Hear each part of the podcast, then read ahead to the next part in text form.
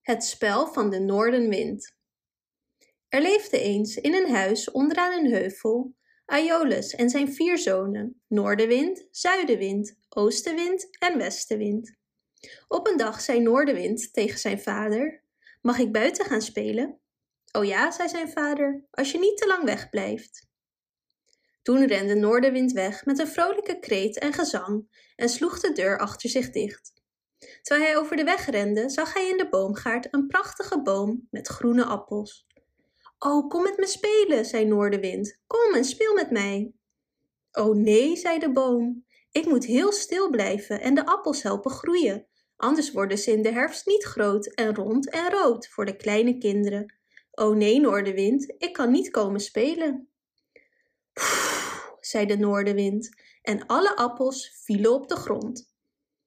Het volgende dat Noordenwind zag was een prachtig golvend maisveld.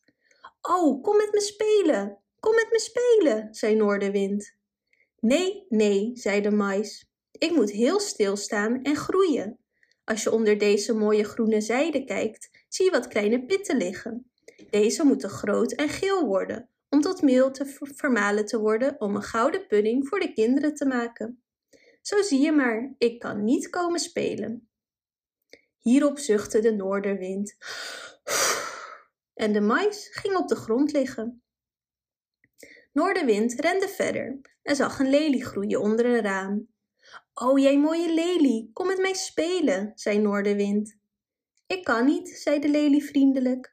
Ik moet hier blijven, omdat het helemaal niet goed gaat met het boerenmeisje. En ik ben haar vriendin. Elke ochtend komt ze naar me glimlachen en ik glimlach terug. Ik weet zeker dat ze me heel erg zou missen als ik moet gaan.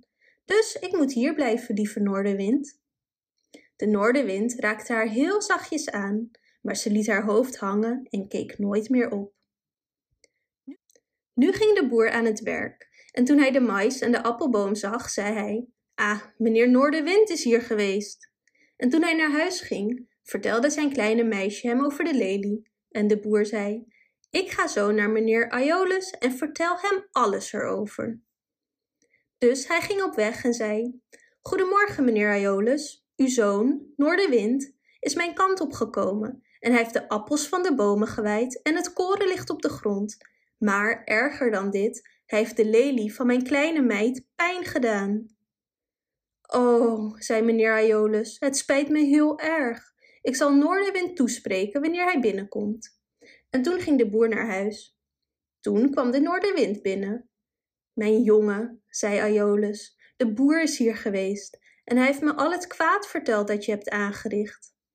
En toen vertelde de vader Noorderwind het verhaal van de appels en de mais en de lelie. Oh, zei Noorderwind, ik weet dat ik het gedaan heb, maar het was niet mijn bedoeling. De appels vielen super makkelijk op de grond. Met het koren was het precies hetzelfde. Het lag neer voordat ik wist dat ik het had bezeerd. Wat de lelie betreft, dat was de mooiste die je ooit hebt gezien, vader. Ik wilde het alleen maar een kusje geven. Ik geloof dat wat je me vertelt waar is, mijn jongen. Maar als je het niet kunt helpen zo ruw en onbeleefd te zijn als je speelt, mag je pas naar buiten als de boer de appels en het graan heeft geplukt en de bloemen zijn geplukt.